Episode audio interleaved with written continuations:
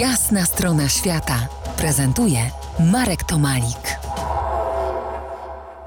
Rozmawiamy dziś o podróżach profesora Getla, wieloletniego rektora Akademii Górniczo-Hutniczej w Krakowie. Tych podróży było wiele, ale wróćmy do tej afrykańskiej, bo to była pierwsza podróż Polaków wzdłuż Afryki od przylądka Dobrej Nadziei po Kair i Aleksandry w 1929 roku. Moim gościem y, wnuk profesora, doktor inżynier Piotr Chrząstowski. Profesor Gettel odwiedził kopalnię diamentów Kimberley, kopalnię złota w Johannesburgu, która budzi dziś ogromne kontrowersje w temacie zanieczyszczenia środowiska, ale wtedy chyba patrzył na to jak y, geolog i poszerzał źródła swoich, y, swoich fascynacji geologicznych.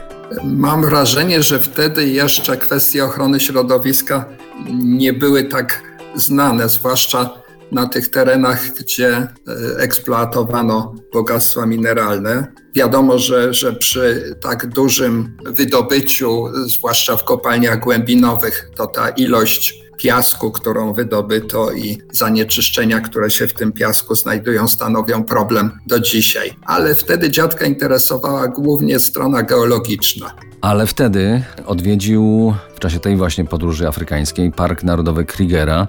Doczytałem się, że gościu u zarządcy musiał mieć dobre listy uwierzytelniające. Dziadek wspominał tą wizytę właśnie w Parku Krigera.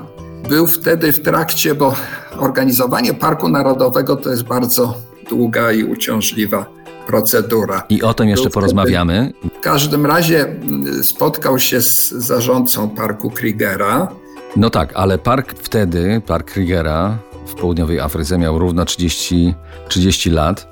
I myślę, że tam właśnie w czasie, w czasie tej wizyty, no, musiało profesora, twojego dziadka, profesora Getla, musiało troszeczkę zainspirować y, do myślenia, czy przypadkiem nie dałoby się czegoś podobnego zrobić y, w Polsce. W Polsce, przypomnijmy, rok 1929, wtedy jeszcze nie było parków narodowych.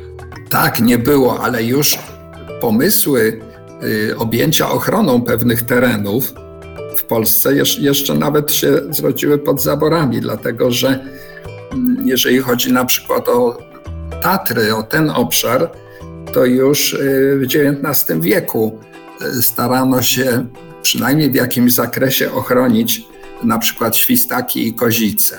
Na tej wyprawie, o której rozmawiamy, profesora Getla, Profesor fotografował i zbierał okazy geologiczne. Do dziś zachowało się 800 klisz szklanych z tej wyprawy. Dlaczego ta kolekcja jest wyjątkowa w skali świata? Takich kolekcji fotograficznych nie ma zbyt wiele. Na, na tych fotografiach dziadek e, starał się uchwycić nie tylko oczywiście miejsca ciekawe dla geologa, wykorzystywał później te przeźrocza do swoich wykładów i zajęć na uczelni, ale też fotografował ludzi, fotografował miejsca y, interesujące. No i jest to dokument y, w jakiś sposób cenny dla historyków i dla etnografów. Do rozmowy o afrykańskiej podróży profesora Getla powrócimy za kilkanaście minut. Zostańcie z nami. To jest jasna strona świata w RMS Classic.